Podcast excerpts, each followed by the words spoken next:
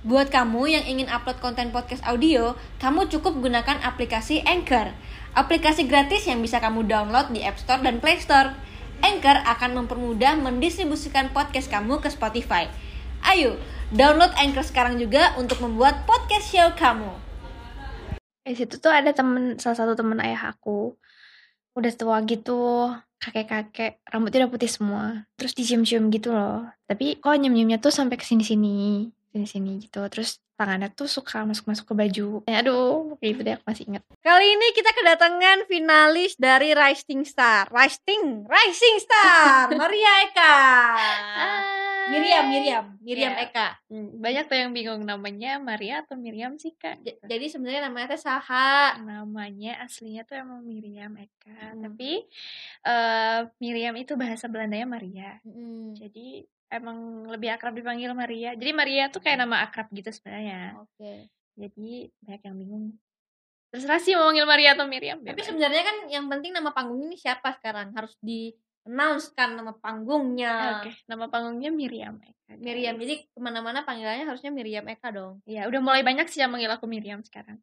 Sekarang lagi sibuk apa nih Miriam? Sekarang kalau sekarang banget lagi rekaman sama syuting Video. video klip Hmm. uh, buat single-single aku tahun ini. Waktu itu kan sebenarnya udah sempat aku panggil, tapi Mm-mm. lagi sibuk. Promo. Promo. Iya, Sekarang nih lagunya beda lagi ya. beda lagi. Wih. Sekarang nih lagunya lagi apa nih? Yang terakhir. Iya. Lagu yang terakhir kemarin judulnya Raga dan Hati, aku featuring sama Reza Dharma Wangsa. Oh, Gitu. oke, oke. Yang kemarin aku lagi sibuk promo yang itu. Oke, kalau yang sekarang? Nah, sekarang ada single sama Lale Ilmanino. Wih, ini yang ditunggu-tunggu. Tentang apa lagunya yang ini? yang kali ini tentang jodoh orang. Jodoh orang. Wah, banyak itu yang relate. Jagain jodoh orang. Iya Oh. sih, pasti banyak yang relate. Di sini juga banyak yang jagain jodoh orang. Jadi, Waduh. Iya, jadi teman-teman tungguin ya eh, singlenya Miriam Eka. Tapi kali ini kita akan juga membahas tentang ceritanya yang pernah mendapatkan perlakuan tidak menyenangkan waktu kecil. Hmm. Udah siap belum? Udah Udah. tarik nafas nih. Ya, soalnya pertama kali nyeritain ke ini ke layak ramai. Oke, nggak apa-apa. Tapi ini kan bisa jadi eh, pelajaran juga positif juga nih buat teman-teman eh, lebih menjaga lagi Yes. anaknya. Oke. betul. Jadi gimana nih ceritanya kalau boleh diceritakan dari awal? Ceritanya tuh awalnya dulu aku kan anak tunggal. Mm. Jadi eh, selalu sendirian gitu loh Iya. kalau misalkan di rumah kan ibu aku kerja, Mm. terus ayah aku juga pergi terus Mm. gitu. Ayah aku kan anak band, jadi kerjanya tuh malam. Mm. Jadi tapi kalau siang suka pergi-pergi gitu Mm-mm. kan. Nah, terus aku karena suka sendirian di rumah, kadang-kadang suka diajak, diajak pergi ke teman-temannya lah. Mm. Biasa kan bapak-bapak. Mm. Terus em, diajak pun suka dititipin ke kayak warung tempat makan gitu. Mm. Terus nanti dia sibuk sama teman-temannya kayak gitu kan. Aku masih TK waktu itu. Masih TK. Terus tiap hari, nggak tiap hari, maksudnya sering Mm. dititipin ke dulu sih ada kayak warung aku lupa tahu guling atau gado-gado gitu pokoknya tempat orang jualan nah di situ tuh ada temen salah satu temen ayah aku udah tua gitu eh kakek-kakek rambutnya udah putih semua nah setiap aku ditinggal di situ tuh si temen ayah aku ini tuh malah suka nyamperin Mm. nyamperin aku di situ. Terus aku dipangku dipangku tapi eh aku nggak ngerti dulu kan awalnya. Dipangku terus dicium-cium gitu loh. Tapi kan biasa ya kalau mungkin gemes-gemes kan nyium-nyium di sini gitu. Tapi kok nyium-nyiumnya tuh sampai ke sini-sini sini-sini gitu. Terus tangannya tuh suka masuk-masuk ke baju masuk-masuk ke baju aku. Tapi aku bener-bener masih nggak ngerti juga masih nggak ngerti juga kayak baru kali ini aku digemes-gemesin tapi kayak gini gitu. Tapi belum ada rasa takut belum ada rasa bener-bener yang kosong kosong bingung dan kayak nggak nggak tahu ini apa. Masih Dan- belum belum ngerasain apa pun. Dan itu sering ya? iya main sering. Pokoknya sempat ada kayak tiap hari gitu aku dibawa ke Wah. tempat itu gitu kan. Nah itu berjalan kayak ber- berbulan-bulan lah kayak gitu kayak gitu terus em, mulai risih lah aku sebagai anak kecil kayak apa sih kok aku hari digini ya gimana sih anak-anak aja kadang suka nggak mau dicium kan kalau Mm. dia lagi apa sih risih gitu kan nah lama-lama nih aku ngerasa kayak kok aneh gitu kan terus aku eh kalau lihat dia itu udah mulai kayak aduh dia ke sini lagi gitu kan Ini umur berapa kamu? masih TK TK. Mm-mm. Berarti 4 sampai lima 5 tahun, tahun kan. Mm. Terus si yang ibu-ibu penjualnya ini lama-lama kayak notice gitu loh terus kayaknya dia ngaduin ke ayah aku Mm. ngaduin ke ayah aku terus eh, besokannya pas aku dibawa ke situ lagi kok ada kayak rame-rame gitu kayaknya si eh, temen ayah aku ini tuh dipukulin gitu Sama teman-teman lainnya juga. iya sama temen lainnya juga pokoknya kayak dipukulin gitulah Mm. kalau nggak salah sampai berdarah-darah gitu saya ingat Hmm. aku di situ aku benar-benar gemeteran Hmm. kayak kok sampai dia tuh dipukulin dan dihajar kayak gitu jadi sebenarnya yang terjadi sama aku tuh apa? Iya. ya kan? Karena aku mikirnya gak mungkin dong kalau dia sampai babak belur gitu dipukulin kalau dia nggak ngelakuin kesalahan gitu kan. Terus ya udah akhirnya yang aku inget cuman dulu ayah aku kayak bilang jangan bilang sama ibu gitu gitu mungkin kan takut ya. Ya terus jadi aku trauma tapi aku simpan sendiri gitu. Dulu di rumah sering tapi aku herannya si teman ayah aku ini tuh abis kejadian itu pun masih suka main ke rumah Lah? lah aku juga kayak hmm, pas udah gede gini baru kayak "Eh, aku masih sering main ke Nah. rumah gitu kan Itu gimana main ke rumah? Ayah masih terima? itu dia yang aku pikirin kayak Hmm. dulu waktu kecil mah masih belum mikir kayak gitu karena Heeh. taunya ya itu temannya ayah gitu kan dulu tuh inget banget eh, misalnya ngelihat ke depan gitu kan si ayah lagi sama siapa teman-temannya. Pas lihat ada si orang tua itu aku bener langsung kaget gemeteran seluruh badan terus nangis. Aku masuk ke dalam lemari. Hmm. lemari kan lemari jati gede gitu. Hmm. aku masuk aku tutup situ sampai ya sebenarnya susah nafas tapi aku bener-bener setakut itu. Udah getar semua udah kayak bingung deh nangis gitu. Terus pas teman-teman udah pulang ayah aku nyariin loh dia ke mana? gitu kan. Terus dibuka lemari terus aku digendong gitu kenapa kamu sembunyiin ayahku kayak nggak aware gitu loh mungkin kan aku trauma atau apa dia kayak ng- nganggepnya nggak apa-apa ya itu temennya ayah udah nggak apa-apa kok gitu gitu padahal harusnya kan Iya, deg-deg. kan? Iya.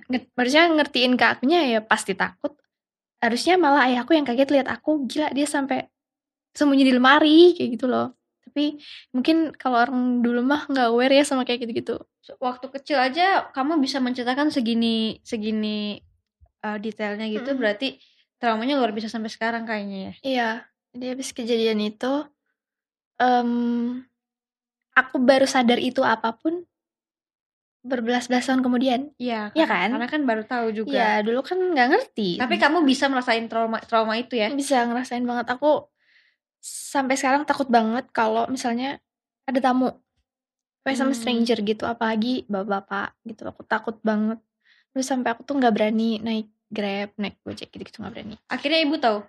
akhirnya ibu tahu pas SMP aku cerita SMP apa SMA ya aku lupa pokoknya pas sekolah gitu pas udah Mm. remaja udah gede aku cerita ya ibu aku marah kayak kenapa dulu kamu gak cerita gini, gini. terus ya kan emang orang tua aku udah pisah Mm-mm. ya ibu aku nyalahin ayah aku gitu loh gimana sih gitu marah-marah pokoknya. Tapi aku kayak udah lewat. Cu- cuman aku eh, membuka apa sih aku jujur bilang kalau aku punya trauma kayak Mhm. gitu.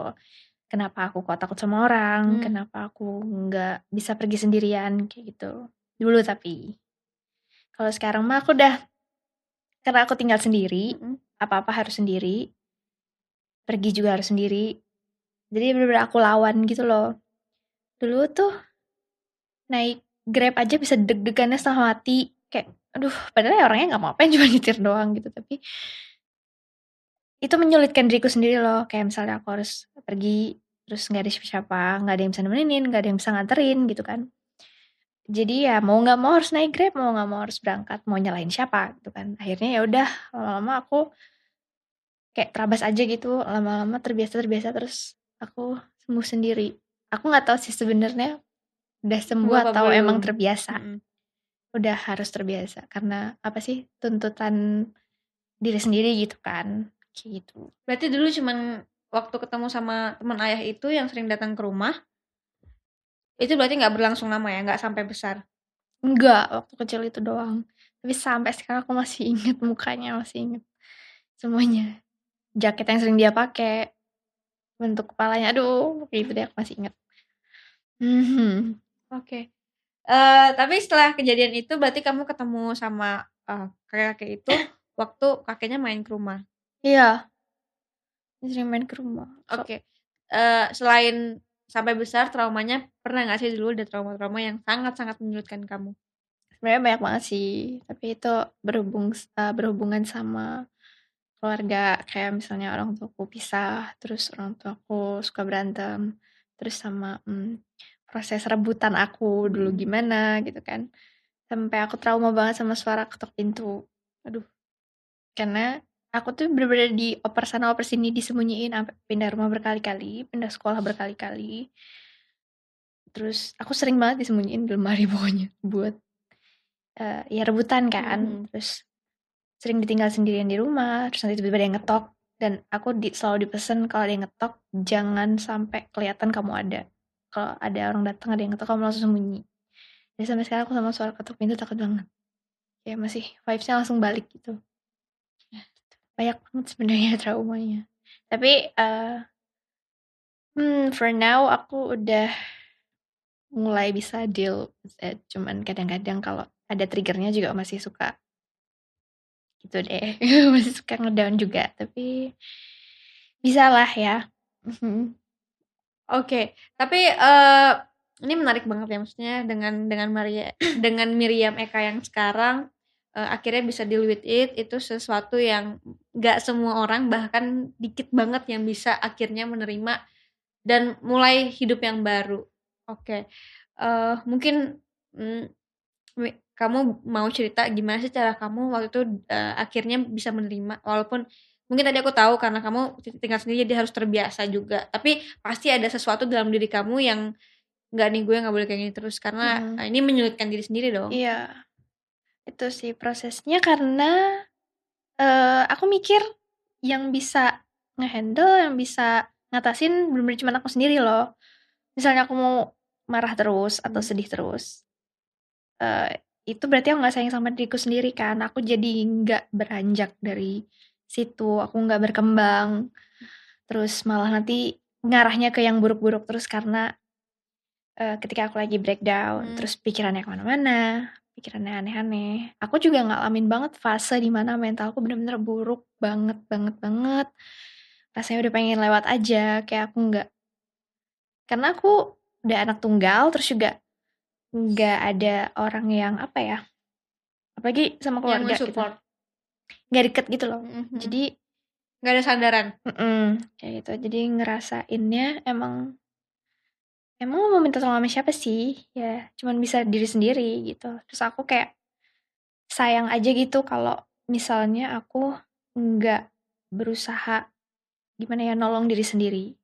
Tapi itu bener-bener nggak mudah ya, maksudnya Iya. kayak aku nggak kayak yang, ya udah ya udah dijalanin mau gimana, itu bener-bener struggle-nya kayak ngalamin pengen bunuh diri, terus, mmm, marah banget, nggak sampai aku tuh nggak mau ngapa-ngapain. Aku mau ngapa-ngapain tuh kayak udah nggak punya hasrat lagi loh. Aduh, apa gini aja ya, aduh aduh nggak nggak punya tenaga gitu, kayak rasanya nggak punya energi lagi, nggak punya semangat lagi, kayak gitu. Tapi, untungnya pas aku udah mulai gede ini keluarga besar aku kayak tante-tante, sepupu-sepupu aku tuh entah kenapa mungkin udah diatur ya sama yang di sana, sama Mhm. universe, kayak keluarga aku tiba-tiba jadi deket banget. Mhm. Jadi saling support banget, kayak gitu. Itu bener-bener tiba-tiba loh, karena dulu aku bener-bener nggak ada sama sekali ngerasain support dari keluarga, kayak gitu. Even ini cuman tante aku, sepupu-sepupu aku, tiba-tiba jadi pada care banget, pada, apa sih, intens banget gitu hubungannya. Jadi, untuk sekarang aku deket banget sama keluarga besar aku, even sama keluarga inti aku sendiri enggak, tapi Mmm. Gitu sih, aku sekarang udah mulai dapet semangat itu, aku ngelanjutin ini semua tuh selain buat diriku sendiri, buat siapa, siapa yang pengen aku banggain, siapa yang pengen aku bahagiain nanti kalau aku udah sukses, kayak gitu-gitu. Jadi itu buat pacuan aku. Kesimpulannya bahwa support keluarga itu penting banget ya? Penting banget Dan itu sangat membantu kamu ya, Sangat. ketika ketika keluarga pada akhirnya, eee, jadi deket, Mhm. ya itu sangat membantu proses kamu. Tapi yang perlu digarisbawahi bahwa trauma dari kecil itu lebih berat lagi ternyata ya? Mhm, lebih berat. Tapi ya gitu guys, i sebenarnya kalau orang punya trauma ini menurut aku pribadi cuman ada dua jalur, Mm-mm. yang gagal ngelewatin sama yang berhasil ngelewatin. Yes, Tapi di sini eh, puji syukur aku berhasil ngelewatin kayak gitu. benar banget. Hati-hati banget nih misalnya kalau anak kecil Mm-mm. untuk sampai umur berapa juga masih inget sampai sampai sekarang aja walaupun udah lagi proses penyembuhan juga masih bisa ingat sampai yang Iya. lalu-lalu. Masih banget, apalagi kalau ada triggernya. Iya. Cuman kan kalau dulu mungkin kalau ke trigger tapi belum tahu gimana cara Hmm. ngehandle-nya gitu masih kewalahan. Kalau sekarang udah tahu. Ya, semakin dewasa juga semakin bisa menghandle diri sendiri. Bener. Gitu. Tapi good for you akhirnya bisa berhasil sampai sekarang eh, sudah dikenal banyak orang juga Amin. dan juga sudah ada single-single juga. Gimana sih akhirnya ikut Rising Star? Emang emang suka nyanyi? Aku suka banget nyanyi dari kecil. Hmm, Karena ayah juga musisi band ya ternyata. ya Hmm. musisi. Emang emang darah musiknya dari keluarga ya. Oke. Kalau ceritanya gimana bisa ikut rising? Jadi aku kan orang Jogja. Itu kan juga men-challenge diri kamu juga kan? Iya. Heeh. mm-mm. Jadi dulu kan apa? Aku tuh orang Jogja. Hmm. Terus aku suka apa namanya? Hmm, reguleran. Jadi dulu aku kerja nyanyi di Hmm. kafe itu seminggu lima kali beda-beda kafe gitu. Sama Jody ya? Iya, sama Jody Oh, juga. Oke. Jadi aku nyanyi di tempat yang dulu Jody nyanyi. Oke. gitu. Dulu masih kayak zaman-zaman di Jogja gitu. Kan aku sama Jody mimpinya sama ya, Hmm. arahnya sama gitu. Terus kayak Jody suka nanya-nanya, misalnya di casting gitu. Eh, kamu ikut nggak? Aduh, ikut nggak ya? Terus kita kan sama-sama nggak pede, malu gitu-gitu kan. Ya aku malu deh. "Ih, Enggak, kamu mah bagus. Iya, kamu juga bagus. Ya udah ikut aja yuk. Kamu kamu aja deh. "Ih, Ikut nggak ya? Gitu-gitu dulu. Terus akhirnya dari reguleran-reguleran itu, hmm, aku mikirnya dulunya sih sebenarnya mau ikut kompetisi nyanyi apa pun, yang penting aku mau cari jalan gitu. Hmm. Sampai akhirnya 2017 Jody duluan Hmm. ikut idol. Hmm. Terus aku mikir, aduh aku apa ikut juga ya gitu kan. Tapi waktu itu karena aku masih nyanyi di kafe terus, aku ngerasa kayak sayang, masih sayang kalau untuk ditinggalin Iya. gitu-gitu kan. Aku kayak ya udah deh aku ntar deh next aja. Eh tiba-tiba pas lihat Jody habis ikut idol dia bisa bener-bener berhasil banget, terus eh, ngebantu banget buat karir dia gitu. Aku bener-bener jadi kepancing gitu loh kayak wah eh apalagi buat aku yang kayak tinggal sendiri, cari duit sendiri, harus perjuangin hidupku sendiri kan aku kayak itu jadi sebenarnya target aku tuh bukan yang kayak pengen terkenal terus apa gitu tapi di situ kan sangat-sangat ngebantu Iya. buat ngewujudin mimpi aku harus ke mana sih arahnya gitu kan supaya bisa bertahan hidup gitu intinya terus aku ke termotivasi sih gitu pas lihat Jody terus aku mikir eh Rising Star kan jurinya Ariel gitu Hmm. sekalian aja kayak pengen banget ketemu dia kan aku dari kecil ngefans Ngefans banget banget. ngefans Hmm. banget terus habis itu aku mikir ini kalau Rising Star katanya kan habis Idol kelar antara X Factor atau Rising Rising, duluan Star. yang keluar Hmm. terus aku nunggu pokoknya aku nunggu Rising kalau dia jurinya Ariel lagi aku ikut tapi kalau misalkan jurinya bukan Ariel aku nunggu Idol tahun setelahnya Oke. terus habis itu tiba-tiba ada temanku yang lebih gercep gitu dia lihat Instagram Rising Star terus dia nge-announce kalau Rising Star mau ada lagi terus eh, siapa-siapa aja kalau di Rising Star nyebutnya expert juri Hmm. itu pertama kan expertnya Judika gitu, Hmm. Bang- eh, Mas Yofi gitu terus tiba-tiba Ariel Noah terus aku kayak fix ikut aku langsung gitu terus kayak oke fix aku langsung mempersiapkan diri Mm-mm. buat ikut racing kayak gitu-gitu. Kebetulan entah kenapa kayak sebenarnya aku tuh anaknya cukup hoki sih. Aku Mhm. sering banget ngerasa aku tuh beruntung. Kayak mungkin karena apa sih? Hidupku sebenarnya kurang beruntung gitu. Sudah diatur sama Tuhan.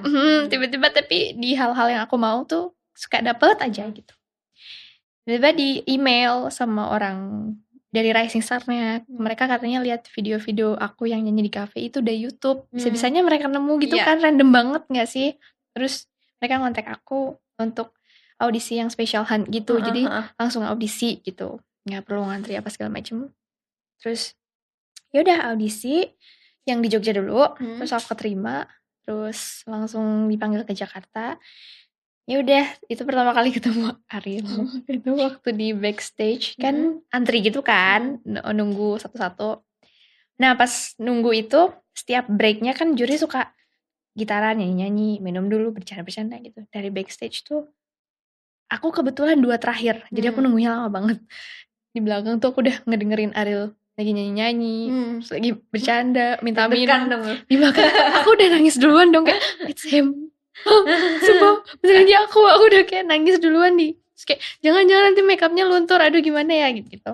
Terus krunya udah mulai nyamperin aku, Hmm. nanya kamu yang ngefans sama Ariel ya? Iya. Kalau ketemu Ariel mau apa? So kayak hmm, aku pengen peluk aja sih boleh nggak? Itu bener-bener aku nggak mikirin aku bakalan lolos sampai berkelanjutan bla bla bla. Yang penting ketemu Ariel. Iya, di situ ketemu nasibku gimana setelahnya aku udah bener kayak nggak mikirin gitu. Kalaupun misalnya itu aku nggak lolos pun aku kayaknya ya udah deh gitu. Hmm. Terus pas tanyain ke krunya gitu aku bilang pengen peluk. Oke sebentar ya. Terus dia kayak pakai wall gitu lagi gitu nanya. Eh, ini ada kontestan fans Ariel dia pengen peluk boleh nggak? Terus oh, oke sebentar ditanyain ke Arielnya ya. So oke deg-degan gitu tiba-tiba pas oke boleh gitu. Terus kayak oke boleh ya nanti kamu peluk. Oke, oh my god, oke, gitu kan. Terus habis itu udah tuh pas giliranku, nanti kamu langsung masuk aja ya, langsung nyapa gitu-gitu segala macam. Aku sama sekali nggak sadar kalau aku tuh masuknya kayak malu-malu gitu. Aku Hmm. nggak ngeliat ke depan, aku ngeliatnya ke bawah. Hmm. Halo sambil gitu kan. Terus tanyain Bunda Maya, kamu kok malu-malu gitu sih? Gitu-gitu kan. Terus sebenarnya audisi video audisiku yang ada di YouTube itu tuh udah banyak banget di-cut kan itu Mhm. totalnya 16 menit padahal sebenarnya aku di dalam situ tuh bisa sejam dan aku masuk situ tuh nggak yang langsung kalau di video itu kan kayak langsung Iya. boleh peluk nggak langsung gitu kan padahal mah enggak ada ada kayak basa-basinya dulu Hmm. terus kayak gimana ini ini Mas?" ya udah kamu mau minta apa tadi katanya kalau Hmm. ketemu baru aku bilang boleh peluk nggak gitu nah dari situ gara-gara video audisi peluk Ariel itu aku nggak nyangka ternyata viral Hmm. ternyata rame jadi dari aku ngefans sama Ariel itu sangat-sangat sangat menjadi berkah buat karir aku. Kayak di situ bener ngebus banget. Jadi orang-orang tuh ngenal wah itu yang fans Ariel itu ya? Jadi bener-bener aku ke mana-mana tuh dikait-kaitin sama Ariel mulu. Itu kan yang yang ini sama Ariel gitu gitu gitu deh itu sangat ngebantu banget. Dan ternyata hmm, nggak cuman di situ aja loh. Ternyata Kak Badul tuh baik banget banget Hmm. banget banget. Dia pas aku di Rising udah hampir keluar Hmm. ternyata ada kesempatan wildcard dan Kak Ariel ngasih wildcardnya itu buat aku bahkan setelah selesai kompetisi pun aku diajak Duet. duet nyanyi di launching albumnya Noah gitu kan bareng Noahnya dulu jadi aku ngerasain dua-duanya collab sama Noah sama kabelnya doang gitu. Wih. Cuma baik banget terus dia tuh juga ngasih apa sih kayak tips-tips saran-saran buat Hmm. di dunia musik tuh harus kayak gimana untuk vokal tuh kayak gimana latihannya dia bener-bener ngasih itu dengan humble gitu ngasih ilmu-ilmu nggak pelit sama sekali terus kayak aku siapa sih gitu loh diajakin duet gitu jadi bener-bener Kak Ariel tuh ngebantu banget banget banget buat karir aku Wih. Dulu ngefans akhirnya bisa duet gila perasaannya gimana tuh ya? kadang-kadang kalau mikirin kayak masih Mimpi ya? astaga gitu ya tapi nyata Luar biasa. Dulu cuman bisa tau gak sih masang RBT lagu Peter Pan waktu Hmm. SD terus panjang fotonya di HP, di wallpaper, di apa gitu-gitu. Tapi sekarang kalau ada apa-apa tinggal kontak aja. Wow. Terus yang pun semua baik banget, baik banget. Oke. Eh, ini seru banget ya. Aku bisa lihat kebahagiaannya dulu ngefans tapi akhirnya bisa duet bareng dan sekarang langsung kalau ada apa-apa tinggal WhatsApp aja. Aku juga mau. Oke, eh, sekarang boleh nggak nyanyiin lagu Miriam yang terakhir? yang sama Reza ya. Ya. Tapi sebenarnya karena itu lagu duet jadi agak bingung sih aku, tapi aku nyanyi refnya aja ya. Heeh.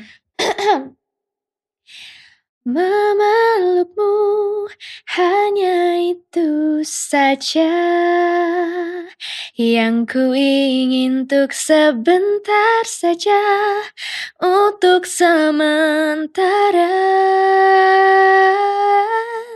mendekap raga juga hati kita. Wih. Miriam kan ini udah udah di sini juga dan Hmm. juga tadi banyak banget nih pelajaran yang diambil dari eh, mental health-nya juga Hmm. akhirnya Miriam bisa yang tadinya eh, trauma akhirnya pelan-pelan bisa lebih baik lagi terus juga sekarang udah tinggal sendiri dan sudah berjuang sendiri juga apa sih yang mau disampaikan ke teman-teman Em, ketika kamu punya trauma, terus kamu punya apa sih rasa takut, itu tuh sangat-sangat bisa dijadiin pacuan motivasi buat istilahnya kayak comeback tuh gak sih diri sendiri kayak pernah ngerasa jatuh banget, ngerasa kayak hidupnya udah gagal atau gimana, itu bisa banget jadi pancingan buat nggak gue gue tuh nggak kayak gini gitu. Gimana sih cara ngebuktiin kalau aku tuh nggak kayak gini? Terus bisa ngubah hidup kita yang tadinya kayaknya suram banget. Gimana sih? Apa sih cara ngebalikin itu gitu loh, kebalikannya suram. Kita bisa jadi sesuatu yang besar, kita bisa jadi sukses, terus kenali potensi kalian tuh apa. Jadi kan punya mimpi tuh nggak nggak cuman sekedar bermimpi ya, tapi harus tahu apa yang bisa kita lakuin buat ngewujudin mimpi itu sendiri. Jadi harus kenal banget sama diri sendiri, banyak-banyak. Kalau aku pribadi, aku tuh kayak suka ngobrol sama diri sendiri loh. Kekuranganku apa. Terus aku malah suka kalau di di conference sama orang lain misalnya kamu tuh gini deh kamu tuh gini gitu. Kadang-kadang kita nggak nggak tahu kan nggak sadar apa yang kurang kayak gitu. Kayak manusia tuh harus saling menajamkan gitu. Jadi kalau misalnya kita lagi di apa sih dikritik lah ya anggap aja kita tuh like, pisau yang lagi di ini Asah. di, diasah gitu. Meskipun apa sih sakit meskipun panas atau apa tapi itu tujuannya buat bikin kita makin tajam lagi. Jadi kalau udah tajam buat motong-motong gitu tuh lebih apa sih lebih siap gitu loh. Kan kalau kitanya tumpul pasti kita butuh diasah untuk tajam dan untuk jadi tajam supaya bisa eh istilahnya gimana ya kalau motong-motong motong-motong itu tuh buat aku kayak proses di mana kita nebas semua ketakutan yang ada di depan mata kayak gitu aku agak belibet tapi intinya kayak gitu semoga kalian ngerti Oke, tepuk tangan dulu dong. yeay Oke, eh, sukses terus ya buat Miriam. Semoga Amin. You, Kak Iti juga. ke depannya banyak single-single yang bisa jadi top juga Amin. dan juga eh, langgeng sama borilnya ya loh. Enggak, enggak, enggak. Pokoknya pokoknya pasti banyak banget eh, dari obrolan kita yang bisa diambil sama teman-teman di rumah tentang eh, bagaimana eh, Miriam deal with eh, traumanya dan juga eh, bagaimana menggapai mimpi yes dan juga eh, di setiap halangan pasti ada jalan. pasti pasti pasti Nah, oke buat teman-teman yang juga punya cerita yang mau di-sharingkan, kirimkan cerita kamu beserta nama, nomor telepon kamu dan domisili di mana ke email di bawah ini. Nanti akan kita panggil dan sampai ketemu di video berikutnya. Dadah. Cie, nonton sampai habis ya. Makasih ya. Jangan lupa follow Instagram aku di sini dan nonton video lainnya di sini.